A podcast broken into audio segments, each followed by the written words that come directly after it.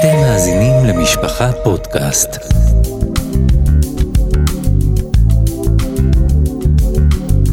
הכוח הפנימי, מדריך מעשי להתפתחות אישית עם הדוקטור עוז מרטין.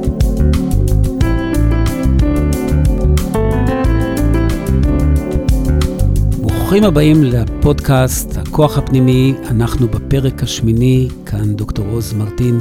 בואו נמשיך ונעמיק ונבין את השינוי ואיך מגיעים אליו.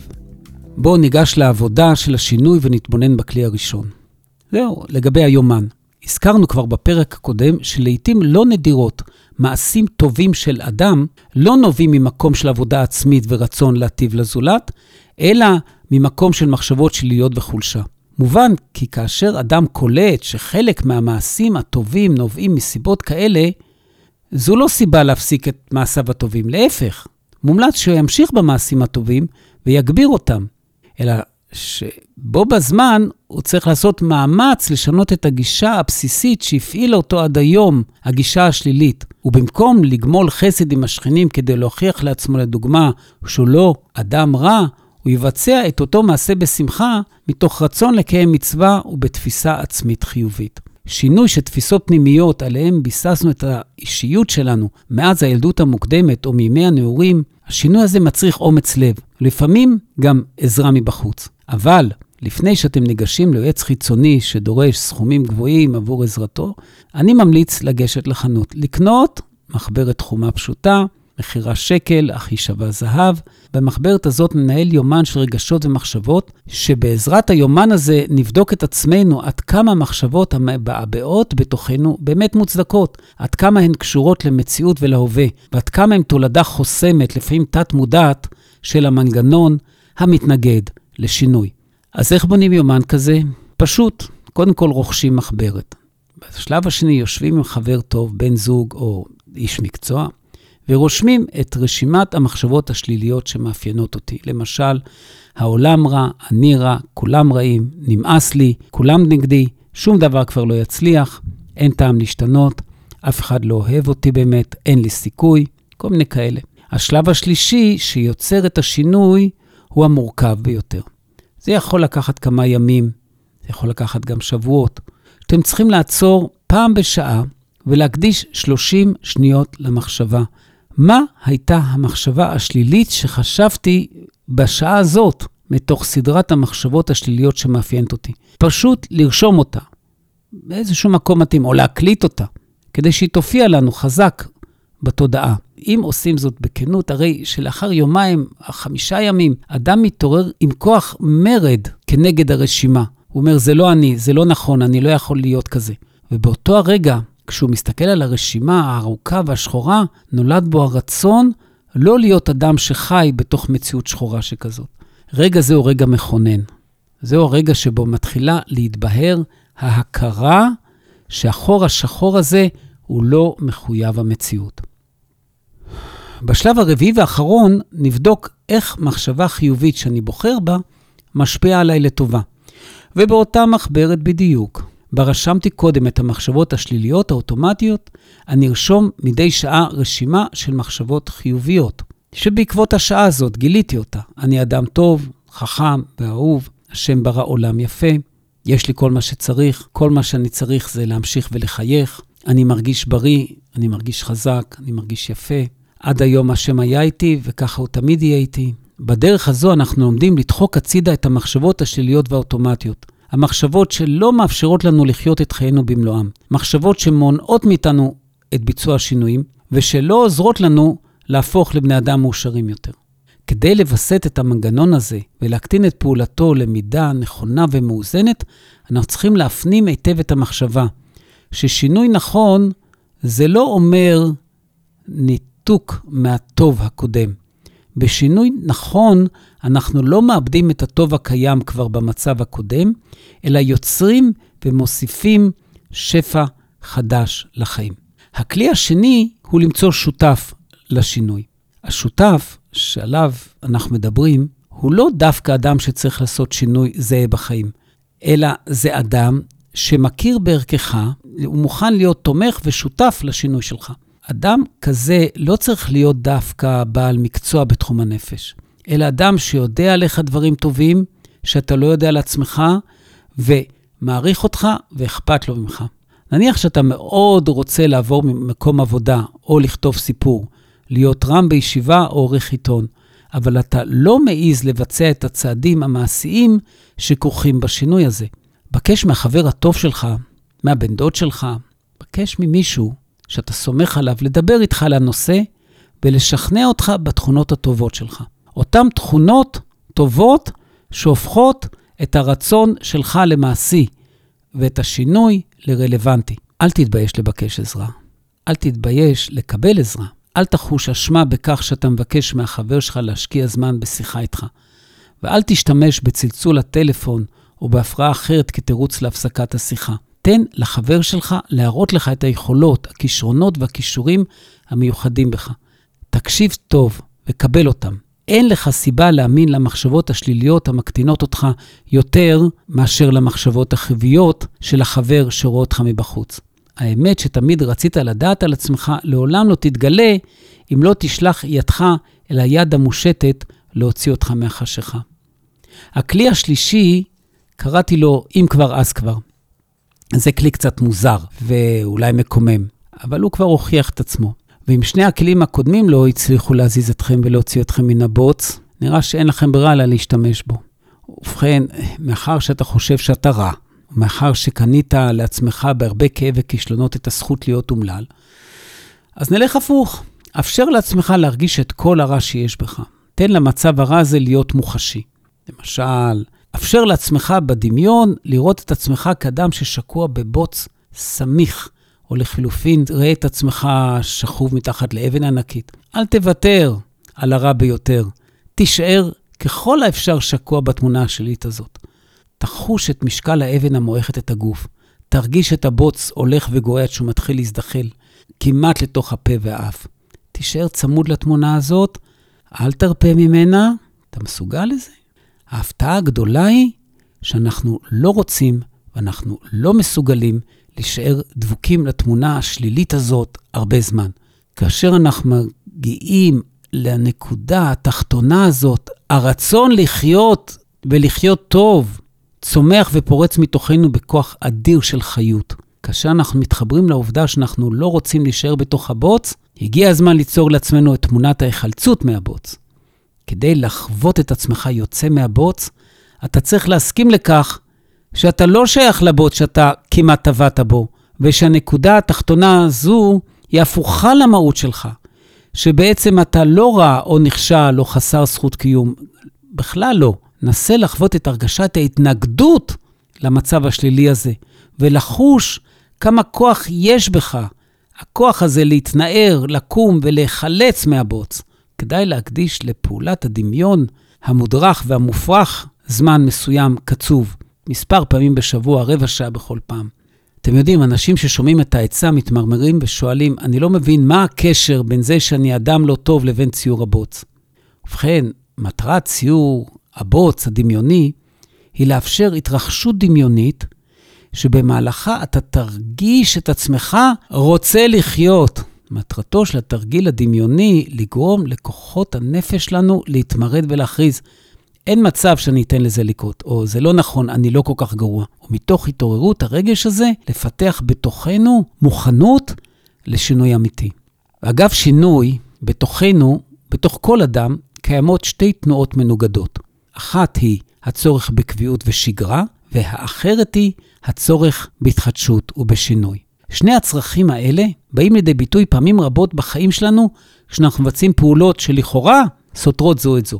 למשל, אנחנו אורזים מזוודה בעליזות ובשמחה כדי להגיע לנופש, שבו יחסרו לנו הרבה פרטי נוחות, מכונת כביסה, בית כנסת, ספרים, מטבח, בגדים, חברים, אוכל כמו שאנחנו רגילים, וכל זה רק כדי לחזור כעבור שבוע בהנחת רווחה למיטה ולחדר הפרטי המוכר והטוב שלנו. מצד אחד, אין כמו השגרה שמעניקה לנו ביטחון, מקום חם להתגדר בו ולהגדיר את עצמנו. מצד שני, כמעט באופן מתמיד קיים בתוכנו הצורך הנואש להתחדש ולשנות משהו בשגרת חיינו.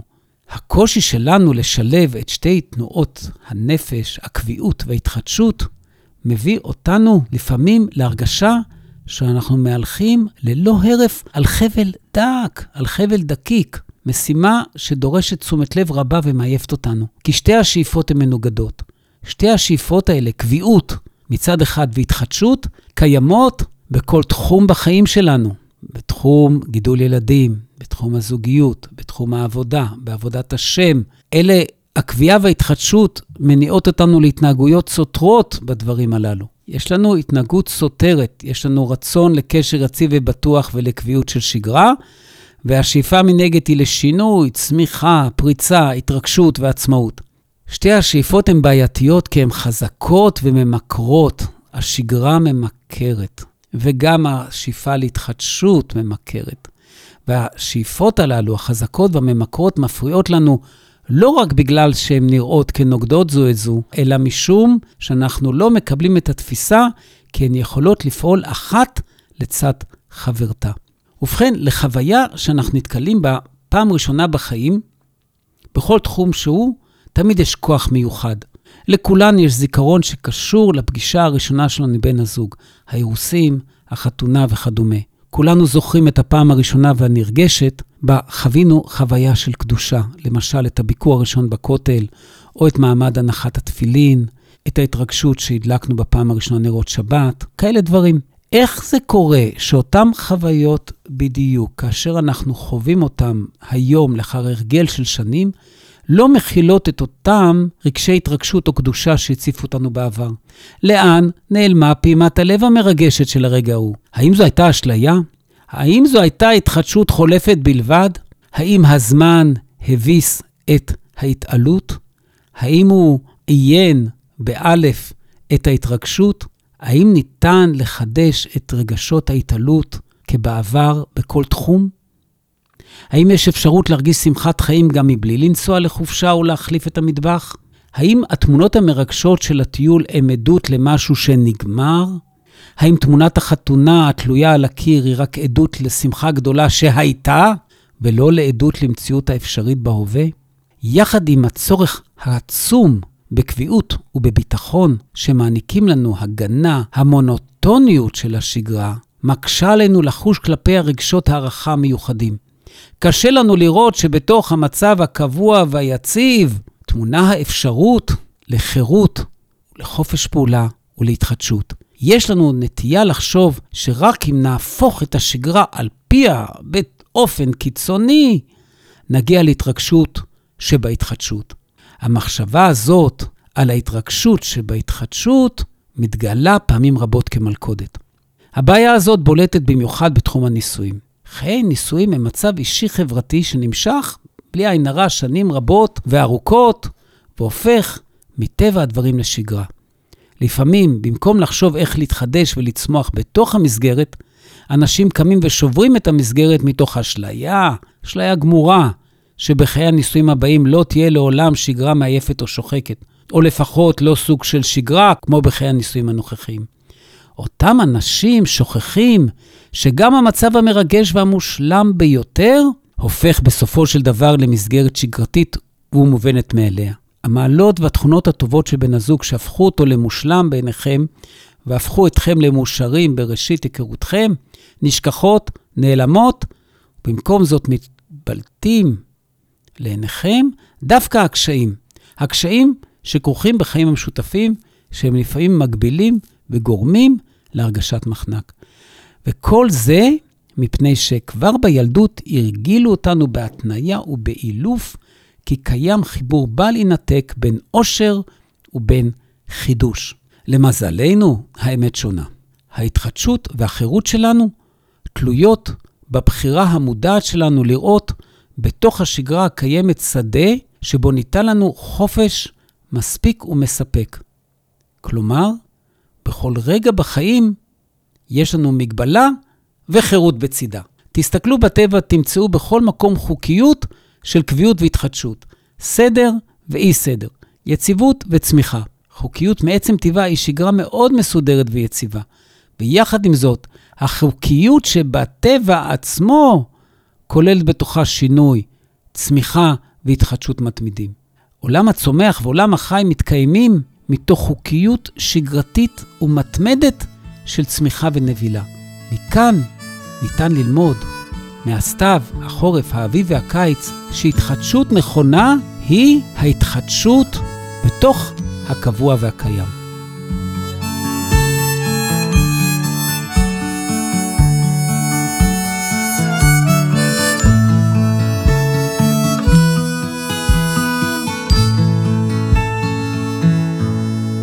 אחת ההצהרות הנשמעות לעיתים קרובות בקליניקה שלי היא, תשמע, אני צריך שינוי. אנשים שמשמיעים את המשפט הזה מוכנים לפעמים להרוס את החיים שלהם רק כדי לצאת מן המסגרת ולחוות את הריגוש שבחידוש. אבל חידוש ושינוי אינן שתי מילים נרדפות. כדי לזכות לחידוש לא צריך להפוך את החיים על פיהם וליצור בלגן במערכות העבודה והמשפחה. חידוש לא כרוך בעזיבת המסגרת הקודמת בהכרח. לא מחייב שינויים דרסטיים ועיקריים בעבודה, במגורים, בלבוש. חידוש הוא משהו הנובע מן האדם עצמו, לעצמו, מתוכו. אנחנו יוצאים לחופש כי אנחנו צריכים רענון והתחדשות. אנחנו מחליפים מקום עבודה או עובדים על התוקפנות והנטייה שלנו לכעוס כי אנחנו זקוקים לשינוי. אדם שחש, אני מרגיש שחוק, החיים משממים אותי, אני צריך שינוי, לא תמיד זקוק לשינוי דרסטי שיהפוך את אושיות חייו, אלא ייתכן שהוא זקוק לרענון וצמיחה מחודשת דווקא בתוך אותה מסגרת בה הוא נמצא. גדי, שעובד במפעל ייצור ברזל כבר עשר שנים, מרגיש שהעבודה השגרתית שלו משעממת ושוחקת אותו. אבל כיוון שהמפעל שייך לחמיב והמפעל הינו נכס משפחתי שעלול לקרוס ללא המעורבות הפעילה של גדי, הוא לא יכול להעלות על דעתו לעזוב את העבודה. לפעמים גדי חולם על מקום עבודה שהוא היה רוצה למצוא את עצמו בו. זה מקום עבודה שונה לגמרי ממפעל הברזל המזדקן. אבל למרות שהוא מנסה להיות יצירתי כמה שהוא רק יכול, הוא כבר הבין והשלים עם העובדה שמבחינה משפחתית הוא כבול למפעל לפחות עד ליום שבו יפרוש חמיב לפנסיה. אבל כיוון שמדובר עוד על תשע שנים לפחות, הרי שבכל בוקר, שעה שהוא יוצא מן הבית לעוד יום עבודה ארוך, גדי מרגיש על הפנים, חנוק, מדוכדך, אין כוח. אם גדי מגיע למסקנה כי המעבר למקום עבודה חדש הוא באמת בלתי אפשרי מבחינתו, הרי שהוא צריך לבדוק ללא פחד מה באמת גורם להרגשת השחיקה שלו. האם יכול להיות שהוא מגזים ברגשות מפני קריסת המפעל או התפוצצות משפחתית? יכול להיות שהוא מגזים, לכן הוא צריך לבדוק ללא פחד. אבל יחד עם זאת, הוא חייב להבין שייתכן שתחושת המחנק והקושי לא נובעת מצורך בשינוי במקום עבודה. ייתכן שהוא זקוק להרגשת התחדשות ולאו דווקא לשינוי בפועל בעבודה שלו. ייתכן כי העבודה היומיומית שוחקת אותו ונראית לו משעממת, כיוון שהוא לא מספיק מחובר למטרת חייו. וייתכן שהוא היה יכול להרוויח מההתמודדות עם האפשרות שדווקא העבודה הזו במפעל המזדקן לברזל היא הכלי הרוחני שקיבל משמיים כדי להגשים את תפקידו בעולם. וכל מה שנשאר זה לשאול איך לעשות את זה באופן הנכון ביותר. אדם שמחובר למטרה מסוימת כמו כסף, כוח, כבוד, ידע, חסד, קדושה, תורה, מוצא בתוכו את הכוחות לבצע את המוטל עליו ולהתגבר גם על קשיים משמעותיים. לעומת זאת, אדם שלא מחובר למנוע הפנימי שלו, למשל להיות הורה, יחוש שחוק ומדוכדך בכל מקום שאליו הוא יגיע. נכון, אם גדי יצליח לצאת ממפעל הברזל המזדקן ולהתקבל למקום עבודה חדש, ברור שבהתחלה הוא יהיה מאושר מאוד. אבל לאחר זמן מה, כאשר יפוג החידוש, וזה יכול להיות כבר כעבור חודשיים או ארבע, גדי יכול לחוש תחושת חידלון שמוכרת לו וששוב זוחלת אל ליבו. העבודה במפעל תהיה משעממת פחות אם גדי לא יתמקד בתפקידו כסלע עולה וקורבן המשפחה, אלא יהיה מחובר לתפקיד חשוב שיש לו בחיים, לתפקיד הבעל והאב המספק מזון והגנה למשפחה שלו. אין לי שום ספק כי התחושה תשתפר מאוד אם הוא יתפוס את עצמו כאדם שעושה מעשה מדי יום, מעשה שמביא תועלת עצומה למשפחה, לילדים, לאישה ולסביבה הקרובה. יכול להיות שגם לאחר שהוא יתבונן על חייו מן הזווית הזו, הוא ימצא בתוך עצמו כוח ואנרגיה לעסוק אחרי שעות עבודה בדברים אחרים, שיעניקו לו את הרגשת ההתחדשות והרעננות אליה הוא מייחל. התפתחות רוחנית, ספורט, הרגשה של קשרים חדשים ומשמעותיים עם אנשים מן העבר, התחברות למועדון שעושה דברים חשובים בחיים. כך למשל, בתוך סדר החיים הרגיל והנורמלי, ייתכן ונכון יהיה לצלצל לאח שלך ולהקשיב למחשבות שלו ולקבל מהם תובנה חדשה עבור עצמך, לגבי חינוך הילדים או התייחסות נכונה לחברה הסוערת שבה אנחנו חיים.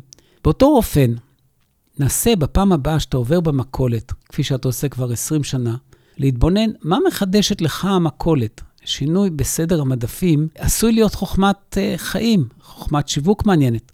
אתם בוודאי יודעים שהלחם חייב להיות בקצה החנות כדי לגרום לנו לעבור את כל הגירויים הלוך ושוב.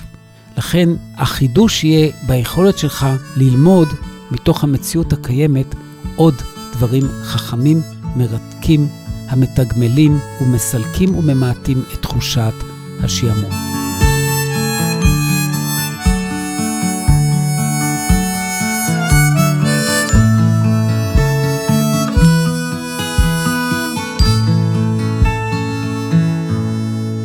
מסתבר שההתחדשות נמצאת בהרבה פרטים קטנים שיוצרים את השגרה. כל מה שצריך זה לחפש אותם ולזכור את מה שהוכח כבר במחקרים רבים. אדם מוצא את מה שהוא מחפש. חידלון או צמיחה, שגרה שוחקת או מציאות בטוחה. המציאות היא עובדה, ההגדרה שלה היא שלנו. ולכן, בניגוד למה שהעולם המודרני שאנחנו טבולים בו משכנע אותנו להאמין, האמונה, ההתרגשות, האהבה וההתחדשות מתקיימות דווקא בתוך המסגרת שמורכבת בעיקרה מקביעות, מיציבות ומשייכות. בדיוק כמו שהבריאה כולה מתנהלת בתוך מסגרת של חוקים, ככה גם חיי הנישואים. כך גם מקום העבודה, הלימודים, ההורות. בדיוק כמו שהבריאה כולה מתנהלת בתוך מסגרת של חוקים, כך גם חיי הנישואים, העבודה, הלימודים, נעשים עמוקים ומספקים יותר כשמוסדרים בתוך מסגרת ברורה.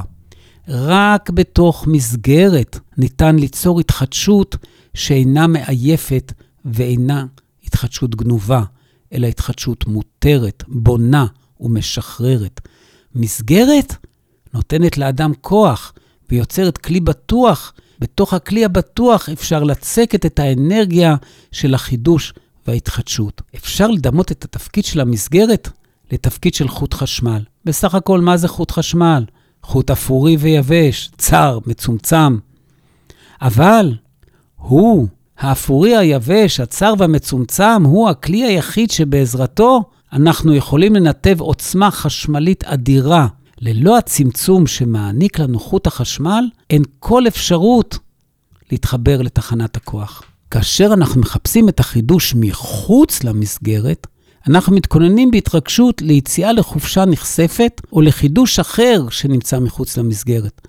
אבל למעשה, אנחנו מגלים הרבה מאוד פעמים כי החידוש הנכסף שממתין לנו בחוץ הוא בעצם אשליה מתוקה שמנפצת מאכזבת, מעייפת ומרגיזה. רצון ההתחדשות והאכזבה שמגיעה בעקבותיו נובעים מכך ששינוי המקום והמסגרת הקבועה לא מספקים בהכרח את הצורך שלנו בהתחדשות פנימית. הרצון לחידוש נובע בדרך כלל מצורך רוחני של הנפש, הנפש שמבקשת להגיע לצמיחה חדשה, לטעם חדש ולרגשות חדשים. ואת אלה לא נמצא דווקא על שפת היום או בבית המלון אליו אנחנו מצטופפים יחד בחופשה. את הרגשות המעודנים הללו אליהם כמהה הנפש אפשר למצוא דווקא ברגע של אמונה, ברגע של שיתוף רגשות עם חבר, ביצירה ובלימוד מעמיק בתוך המסגרת הקיימת. התחדשות, כמו גם מנוחת הנפש, תלויה בשאלה עד כמה אנחנו מאמינים שיש לנו אפשרות לבצע בחירות חדשות, בחירות במחשבה, ברגש ובמעשה, כאן ועכשיו, בתוך כל המצב שבו אנחנו נמצאים. מאמונה זו, שיש לנו אפשרות לבצע בחירות חדשות כאן ועכשיו, מהאמונה הזו נולד כוח ההתחדשות. וזהו אחד מכוחות הנפש שלנו. אנחנו רק צריכים ללמוד להשתמש בו ולתרגל אותו. מאזינים ומאזינות יקרים, עברנו כברת דרך. שמונה תחנות. הדרך הייתה מאוד חשובה. המטרה שלנו להצליח ולהתקדם ולעשות באופן נכון ומדויק את רצון הבורא, כנראה שלעולם לא נגיע אליה. הדרך היא חשובה. שמונת פרקים הללו יאפשרו, כך אני מקווה, לכם להתקדם ולהגיע לפחות לתחנה חדשה טובה עבורכם. תודה על ההאזנה ולהתראות. אתם מאזינים למשפחה פודקאסט.